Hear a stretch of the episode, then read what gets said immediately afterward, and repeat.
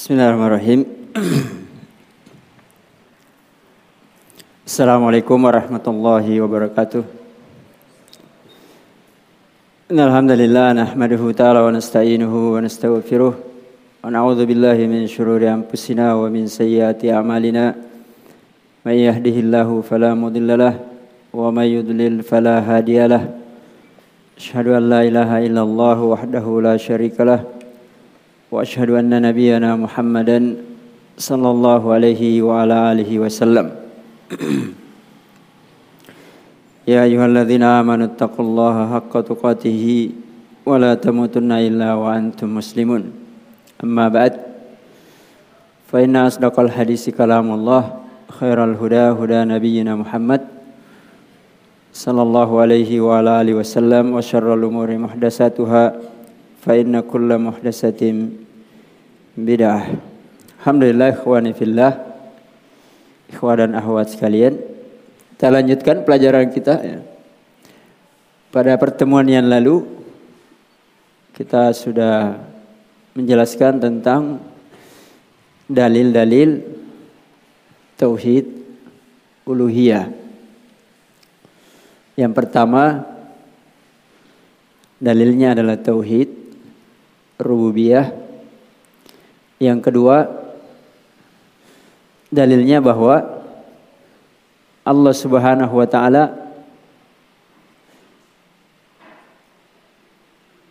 sempurna dari segala sisi. Maka yang sempurna itulah yang berhak untuk diibadahi. Ya. Karena itu segala makhluk yang Allah ciptakan pasti punya kekurangan. Hanya Allah yang sempurna dari segala sisi. Kemudian yang ketiga, yang terakhir kemarin kita singgung, sebaliknya bahwa seluruh yang disembah selain daripada Allah pasti punya kekurangan atau ketidakmampuan. Ya. Sebaliknya ya, setiap makhluk pasti punya kekurangan dan ketidakmampuan. Contohnya sebagaimana kisah dalam Al-Quran ketika Allah menggambarkan tentang Isa alaihi salatu wassalam dan ibunya. Isa, tahu kan Isa, Nabi Isa alaihi salatu wassalam dan ibunya. Yang sekarang disembah oleh manusia yang demikian banyak. Orang yang menisbatkan dirinya kepada agama Al-Masih. Apa kata Allah tentang Isa? Mal Masihu ibn Maryam illa rasulun. Tidaklah Al-Masih yakni Isa bin Maryam itu kecuali dia hanya seorang rasul. Qad khalat min qablihi rusul. Berlalu dari sebelum Isa dan sebelumnya dari para rasul. Artinya sudah ada rasul-rasul yang berlalu sebelum Isa. Sama-sama rasul. Artinya apa? Ya Rasul sudah ada dari dahulu.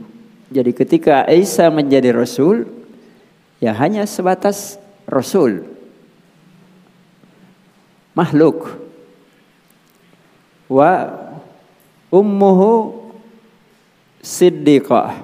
Dan ibunya ya ini siapa ibunya Isa? Hah? Maryam. Al-Masih ibnu Maryam. Maryam. Disebutkan dalam Al-Quran dia adalah orang yang siddiqah. Orang yang sangat jujur dan bisa dipercaya. Dan termasuk salah satu wanita yang sempurna. Karena yang sempurna dari wanita itu sedikit dibandingkan dengan perempuan. Kamu laminar rijal kesir. Sempurna dari laki-laki itu banyak. Ya, makanya banyak para nabi dan rasul. Walam yakmul minan nisa illa arba. Tapi tidak sempurna dari wanita kecuali empat. Walaupun para ulama mengatakan itu bukan menunjukkan pembatasan hanya empat yang sempurna. Tapi menunjukkan bahwa yang sempurna dari wanita itu sedikit dibandingkan laki-laki. Nah. Ya kita tidak bahas itu ya. Nanti panjang. Nah. Tapi apa kata Allah tentang Isa dan ibunya. Kata Allah kana yakulani ta'am. Kana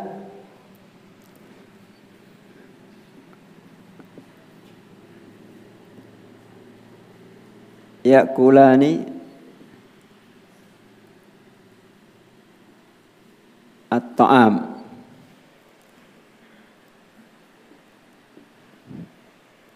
Isa dan ibunya kedua-duanya makan. Makan? Berarti kalau makan makhluk atau bukan? Hah? Ya pasti makhluk. Berarti kalau dia makan berarti butuh butuh makanan. Kalau tidak makan, is dead. Mati kan? Ya. Berarti satu ini saja, tidak usah terlalu banyak dibahas. Satu ini, ini dalam Al-Quran ya. Itu sudah cukup menunjukkan bahwa Isa dan ibunya itu bukan Tuhan. Kenapa? Karena dia makan. Kalau dia makan berarti dia ada kekurangan dan kelemahan. Ada kekurangan dan kelemahan tidak pantas jadi Tuhan. Karena yang dijadikan Tuhan yang disembah adalah yang sempurna. Ya, Makanya seluruh makhluk itu apa pun dia, bagaimanapun kedudukannya, itu semuanya punya kekurangan dan kelemahan. Maka itu cukup untuk membatalkan dia sebagai ilah. Kalaupun diangkat sebagai ilah, itu namanya ilah yang batil. Dzalika bi anna Allah wal haq. Karena hanya satu ilah yang hak. Wa anna ma yad'una min dunihi dan apa yang dia sembah selainnya termasuk Isa ibunya siapa pun malaikat huwal batil pasti dia ilah yang batil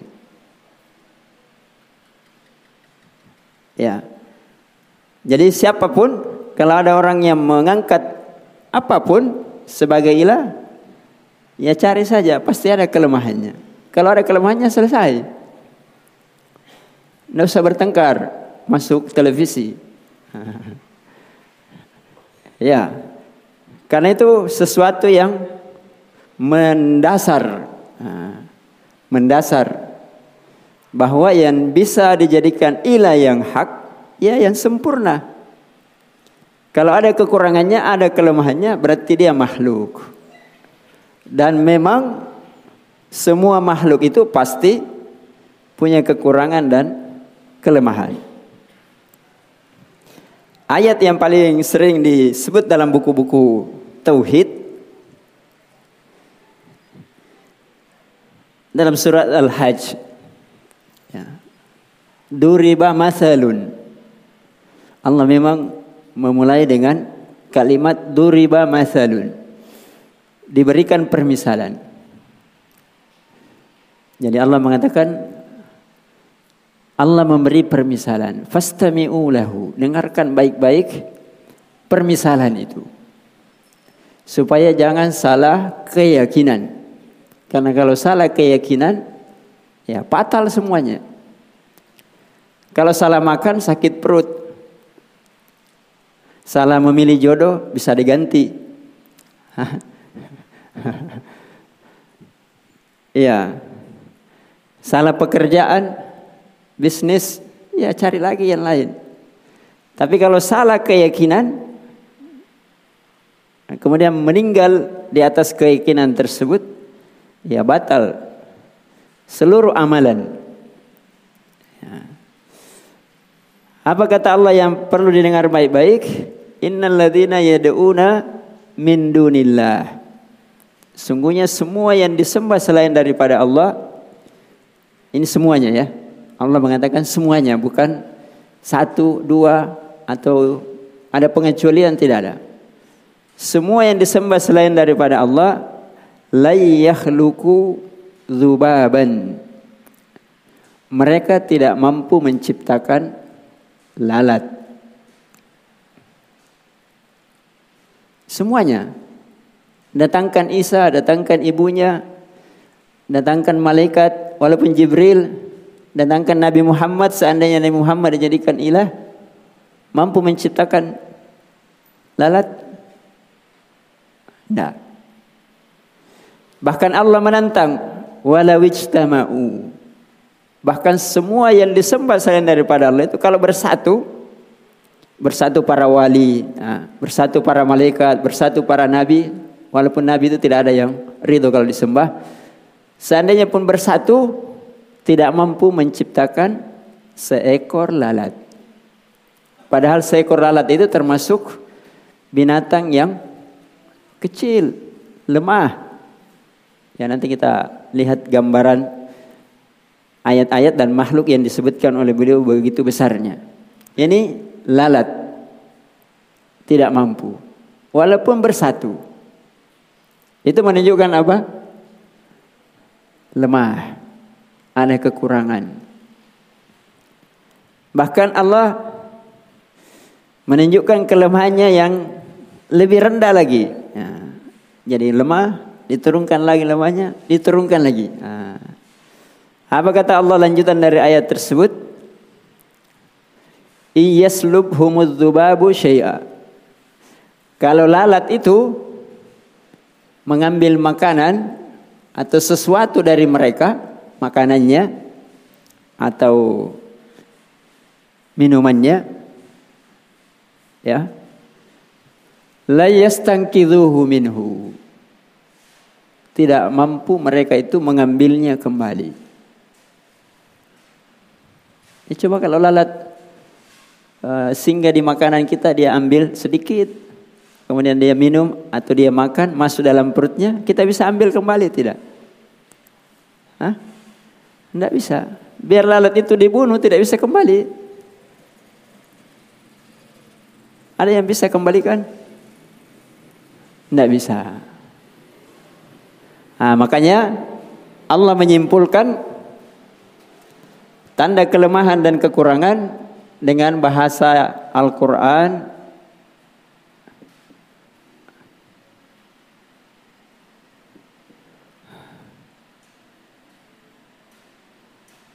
Ya kalau tidak banyak paham ini saja yang dipaham dan dipegang seumur hidup.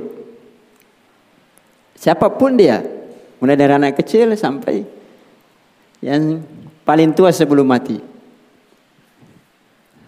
Dha'ufa at-talibu wal matlub. Yang menyembah dan yang disembah semuanya lemah. Tidak bisa apa-apa. Yang disembah siapa? Ya siapa saja. Yang menyembah ya siapa saja. Semuanya lemah. Jadi yang menyembah Isa lemah. Yang disembah Isa lemah. Nah, maksudnya begitu. Yang menyembah matahari lemah. Matahari lemah. Apalagi yang disembah, apalagi kalau menyembah benda yang tidak bernyawa. Ya, semuanya lemah. Itu kesimpulannya. Jadi dalilnya seperti itu dan kenyataannya seperti itu. Ya makanya Al-Quran memberi gambaran yang nyata. Nah, supaya uh, keyakinan itu sesuatu yang mudah dipahami. Lebih susah dipahami itu ilmu nahu daripada ilmu tauhid. Hah? Iya kan? Makanya nanti di akhirat tidak ditanya kitab apa yang kamu selesaikan dari nahu. Nah. Kalaupun belajar nahu supaya lebih kuat saja pemahamannya tentang tauhid. Ilmu alat. Tapi tujuannya supaya mengerti tauhid sebelum yang lainnya. Bukan berarti tidak belajar nahu ya, jangan jadikan alasan. Tapi maksudnya ini persoalan-persoalan dasar. Bukan ilmu wali ya. Bukan ilmu tingkat tinggi. Ini, ilmu dasar. Tapi dasar yang nanti menjadi akhir dari keyakinan manusia supaya selamat. Makanya nanti ini yang ditanya kalau sudah mati. Siapa Tuhanmu? Ya kan? Makanya saya jelaskan supaya kita paham Tuhan kita dari mana kita kenal supaya nanti ketika ujian lulus menjawabnya. Nah, itu kan diperinci walaupun kalimatnya ringkas supaya lulus ketika ujian di alam kubur. Jadi di dunia harus lulus duluan. Bagaimana dia jawab kalau dia tidak tahu? Ya, seperti dalam hadis saya hanya dengar orang bilang begini, bilang begini, bilang begitu, saya ikut-ikut. Ya, padahal persoalannya bukan persoalan yang ribet. Ya. Tapi persoalannya persoalan yang jelas, ringkas, dan tidak bertele-tele. Sudah ya? Berarti kesimpulannya semua yang disembah itu adalah dalil. Kenapa hanya disembah Allah? Karena semua yang disembah dan semua yang menyembah siapa pun dia itu lemah. Maka berarti hanya satu yang disembah. Jadi kalau ada yang mendatangkan ilah silahkan datangkan. Kalau sempurna saya sembah. Kalau tidak, ya tidak.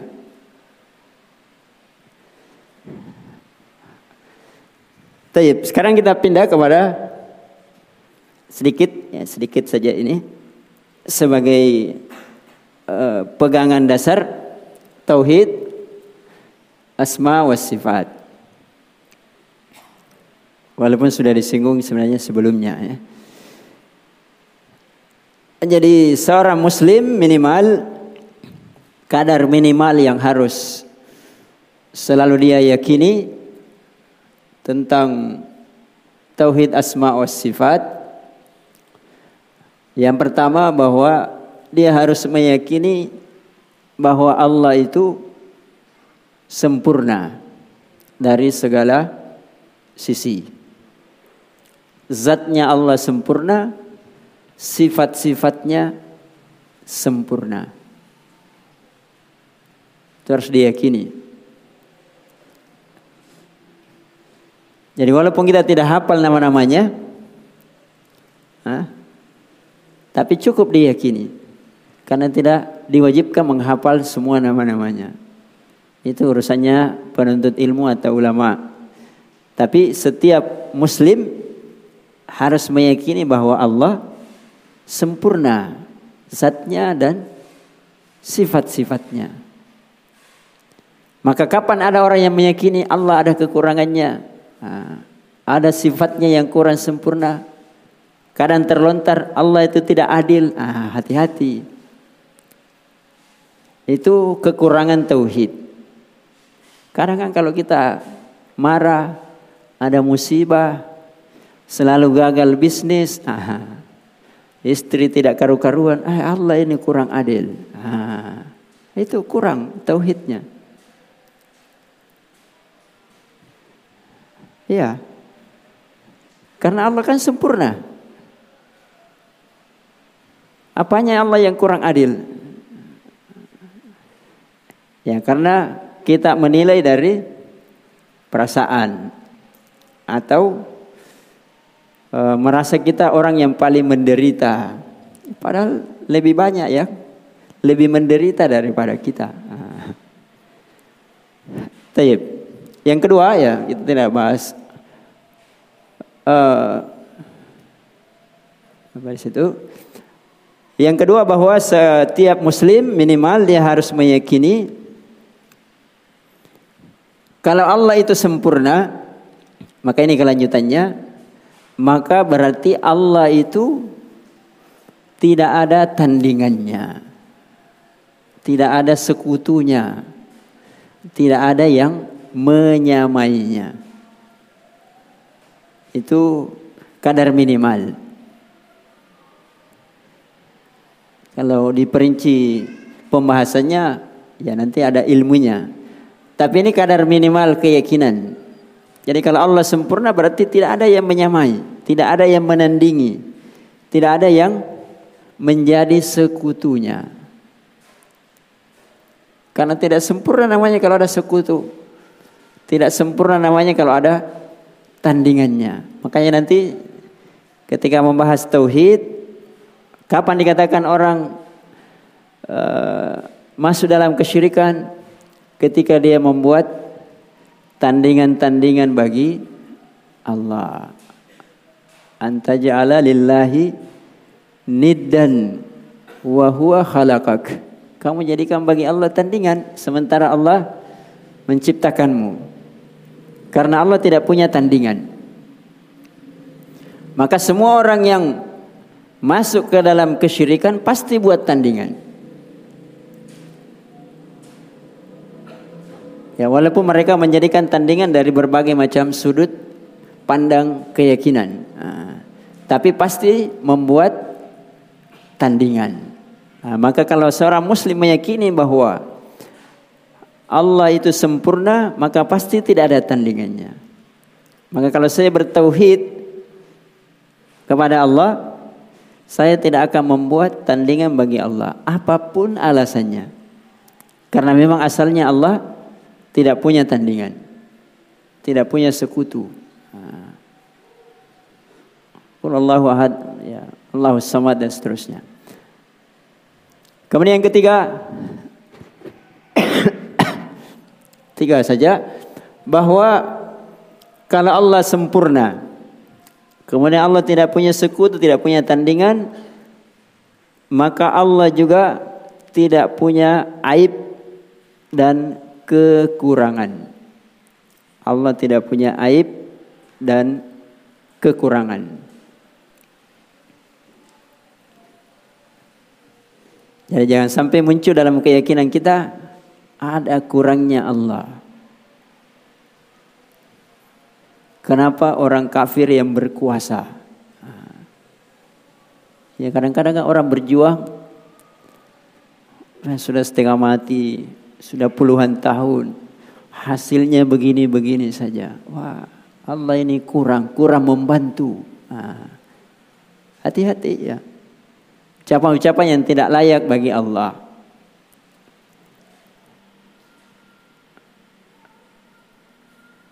Iya, atau kadang-kadang muncul keraguan.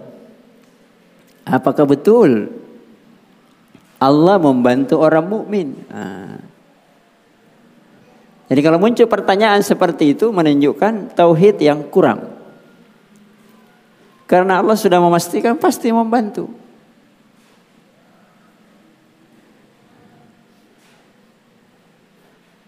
Wa kana haqqan alaina nasrul mu'minin. Menjadi kewajiban kami membantu orang mukmin. Ya, cuma kadang kita mau cepat-cepat, mau melihat hasil. Atau Allah punya hikmah yang lain. Kalau kamu dibantu sekarang, selesai masjidmu sekarang juga bahaya. Nah, misalnya. Iya kan? Tiba-tiba banjir, harusnya sudah selesai, Hai, kenapa lagi banjir? Allah ini begini, begini, begini. Nah, Allah punya hikmah.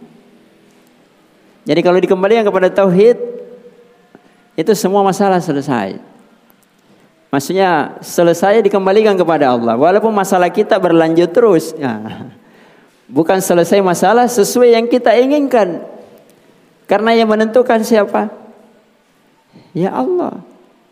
Karena kita ini yang kurang. Kita ini yang punya uh, aib, kekurangan Allah tidak. Ya. Jadi itu uh, secara ringkas ya. Kembali kepada uh, matan. Fa idza qila laka bima arafta rabbak. Fakul apa? Bi ayatihi wa makhluqatihi, ya kan? Jadi kalau sudah tahu siapa Allah, siapa Robmu sekarang bagaimana kamu mengenal Robmu dengan ayat-ayat dan makhluk-makhluknya. Ya beliau memberikan uh, dua kalimat ayat dan makhluk. Padahal makhluk itu juga ayat, ya ayat itu juga makhluk. Cuma ada ayat, ada ayat yang dibaca seperti kitab. Ada ayat yang tidak dibaca. Itulah makhluk. Ya. Al-Qur'an uh, Injil Taurat itu kan ayat-ayat yang dibaca. Tapi yang diinginkan di sini ayat-ayat yang tidak dibaca Makanya beliau nanti menyebutkan wa min ayatihi apa? Al-lailu wan nahar wasyamsu wal qamar. Apa lagi? Yang disebutkan di situ ada enam makhluk dan ayat dari ayat-ayat Allah. Yang pertama yang Allah sebut apa di situ? Al-lailu wan nahar. Ini semuanya berpasangan ya.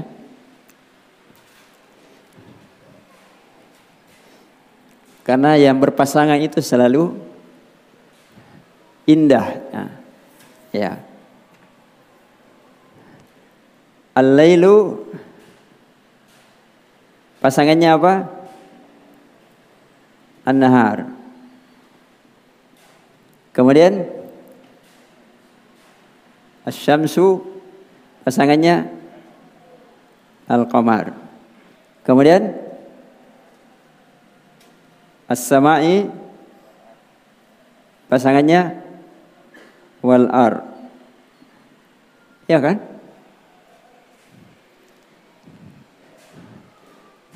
Dan itu disebut dalam satu ayat dalam surat Asy-Syams. Wasyamsu waduhaha. Wal qamaru wasyamsu waduhaha. Apa lagi? Wal qamaru idza talaha. Wan nahari idza jallaha. Wal laili idza yaghshaha. Was sama wa ma banaha wal ardi wa ma tahaha. 6. Ya kan? Ini ayat sekaligus makhluk dari makhluk Allah. Beliau sebutkan uh, enam ini pilihan. Walaupun semua makhluk sudah kita sebutkan dahulu, semua makhluk itu menjadi ayat Tanda dari tanda-tanda rububiyahnya Allah. Tapi beliau menyebutkan enam ini karena itu yang paling nampak dan jelas. Ya, kalau sesuatu yang ada di tempat lain, di tempat lain tidak ada, mungkin ada yang mengingkari. Nah. Tapi kalau siang dan malam semua tempat ada. Matahari dan bulan semua tempat ada. Ada tempat tidak ada bulannya? Biar dikutub. Enam bulan ada matahari, enam bulan hilang. Tapi ada. Iya kan? Ada siang terus enam bulan, ada malam terus enam bulan. Tapi ada.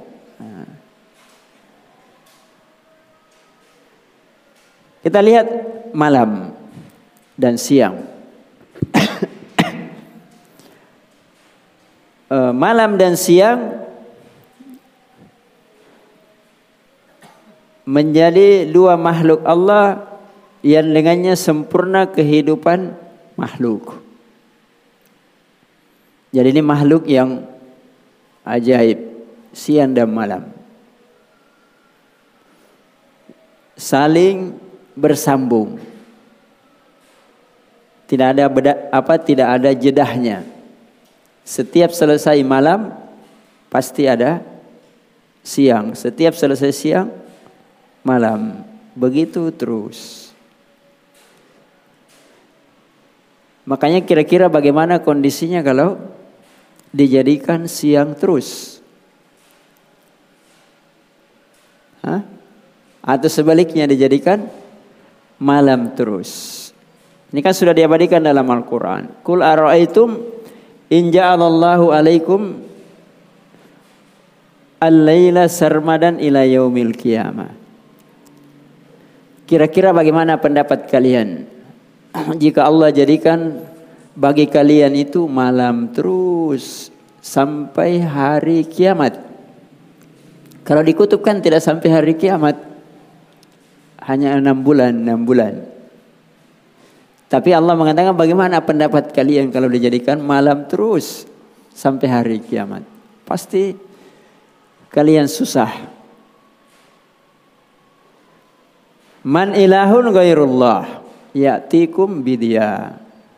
Adakah ilah yang kalian patut sembah selain daripada Allah yang mampu mendatangkan kepada kalian sinar, sinar matahari. Dan sebaliknya eh, apa sebelum ayat berikutnya Allah memberi pertanyaan apala tasmaun Tidakkah kalian mendengar? Artinya pendengaran kita ini disuruh mendengar. Apakah ada yang bisa mendatangkan cahaya? Seandainya Allah jadikan begitu. Karena orang yang mendengar itu membuat dia taat. Ya, makanya orang kafir itu disifatkan pendengarannya tertutup karena tidak mau menerima kebenaran dari yang dia dengar. Dan sebaliknya kul araitum in ja'alallahu alaikum an-nahara sarmadan ila yaumil qiyamah. Bagaimana pendapat kalian kalau dibalik? Allah jadikan bagi kalian itu semuanya siang semua sampai hari kiamat. Man ilahun ghairullah? Apakah ada ilah yang disembah selain daripada Allah ya'tikum bilailin taskununa fihi. Apakah ada yang bisa mendatangkan? Malam. Yang kalian bisa beristirahat di dalamnya. Ada? Ya tidak ada. Apala tubsirun? Tidakkah kalian melihat? Artinya pakai penglihatan kalian itu. Untuk kemudian taat kepada Allah Subhanahu wa taala. Walahum a'yunun. Kan Allah menyindir orang kafir. Walahum a'yunun la yubsiruna biha. Mereka punya mata tapi tidak dipakai untuk melihat. Ya matanya melihat tapi tidak dipakai melihat bahwa yang berhak diibadai itu yang menciptakan siang dan malam. Itu maksudnya. Ya. Walahum adhanun la yasma'una biha yang tadi. Mereka punya telinga tapi tidak dipakai untuk mendengar ayat-ayat Allah. Nah, jadi kita ini tidak bisa hidup dengan nyaman kalau tidak ada siang dan malam. Waja'alna al-laila libasa. Allah jadikan malam itu seperti libas, pakaian. Supaya nyaman. Iya kan? Mana lebih nyaman tidur di malam atau di siang hari? Ya. Biar kita tidur siang hari 12 jam, tidak sama tidur di malam hari walaupun 3 jam, 4 jam. Tidak sama. Karena memang tidak sama siang dan malam. Sebaliknya kalau kita kerja di malam hari, siang kerja dari pagi jam 7 sampai jam 5 sore, sebagian orang yang kerja, atau jam 8 sampai jam 4 sore, fit badan. Tapi coba kerja di malam hari. Dari jam 8 sampai jam 10 saja. Nah, sudah capek. Karena tidak sama siang dan malam. Ini kan ayat yang semua tahu, semua bisa melihat, semua bisa ya memperhatikan.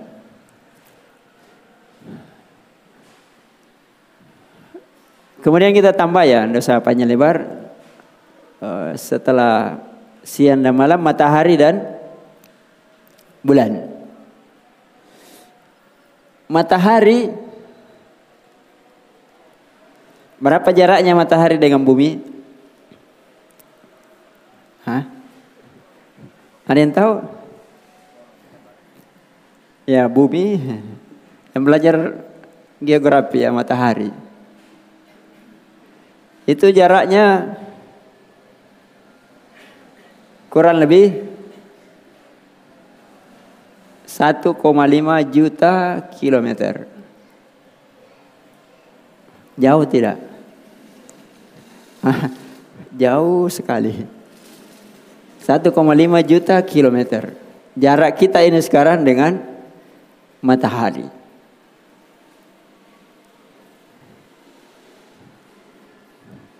Kalau jarak ini berubah, matahari mendekat sedikit saja, nah, celaka kita semua. Jadi Allah atur sedemikian rupa berputar pada porosnya masing-masing jaraknya itu tidak pernah berubah. Kalau diturunkan sedikit hancur kita.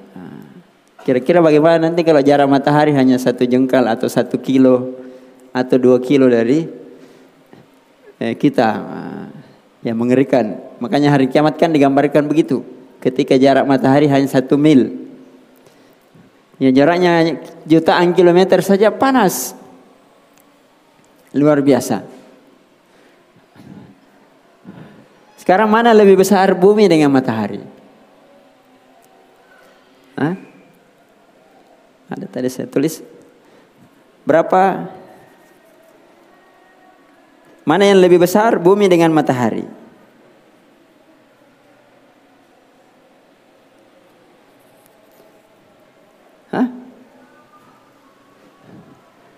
Jadi bumi ini sangat kecil dibandingkan dengan matahari.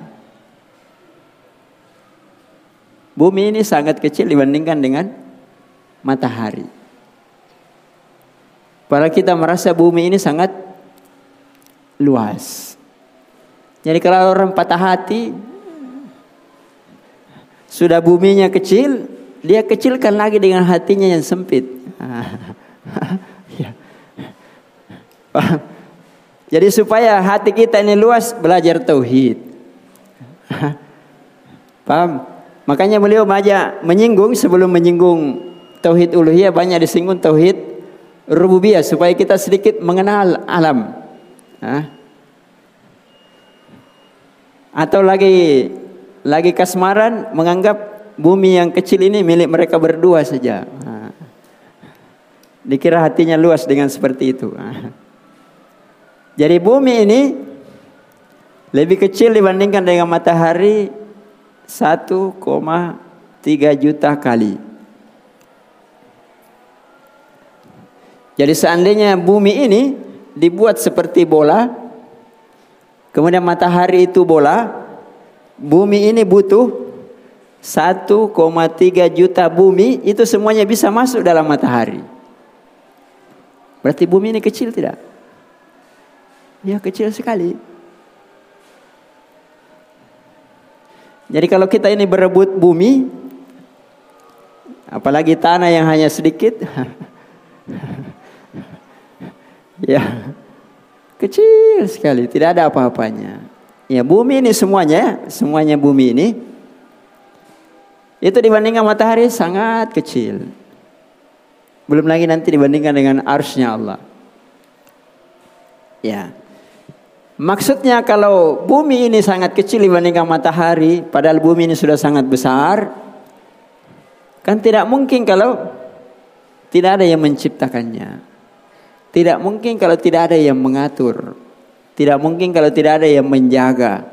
Tidak mungkin kalau tidak ada yang apa menertibkannya, berputarnya dan segala yang berhubungan dengannya. Ya jadi jauhnya jutaan kilometer. Besarnya 1,3 kali juta. Nah, bumi ini baru sama dengan matahari. Berarti besar sekali itu matahari. Padahal matahari belum menjadi uh, makhluk Allah yang paling besar. Berarti ketika orang tahu sedikit aja. Orang tahu apalagi ilmu berkembang, semakin dia tahu, semakin sebenarnya lebih banyak yang dia tidak tahu. Iya rahasia Allah itu sangat tidak terbatas. Ya. Tapi minimal ya kita tidak disuruh jadi ilmu falak, tapi disuruh jadi orang yang bertauhid. Tahu falak atau tidak tahu falak, ini kan untuk menguatkan saja. Ya kita meyakini bahwa ada yang menciptakannya. Makanya Al-Quran mengabadikannya sebagai uh, ayat dari ayat-ayat Allah yang menunjukkan Eh, rububiyahnya Allah. Sekaligus menunjukkan bahwa yang berhak untuk disembah ya yang bisa menciptakan seperti itu. Tadi selain daripada Allah disuruh menciptakan lalat tidak bisa. Apalagi bumi, apalagi matahari. Ah. Apalagi yang lebih daripada matahari dan bumi. Ya tidak ada apa-apanya. Nah itu kan diberi wawasan bahwa semua yang disembah selain daripada Allah sebenarnya tidak ada apa-apanya. Nah, ya, apalagi nanti, nanti kalau kita singgung tentang arsnya Allah Subhanahu wa taala. Kan itu juga menjadi titik banyak kekeliruan dalam tauhid. Ya insyaallah dalam ya pertemuannya akan datang. Nah, kullu kama tasmaun. Barakallahu fikum. Wassalamualaikum warahmatullahi Muhammad wa ala alihi wa sahbihi wasallam. Subhana rabbika rabbil izzati amma yasifun wa salamun mursalin wa akhiru da'wana alhamdulillahi rabbil alamin. Assalamualaikum warahmatullahi wabarakatuh.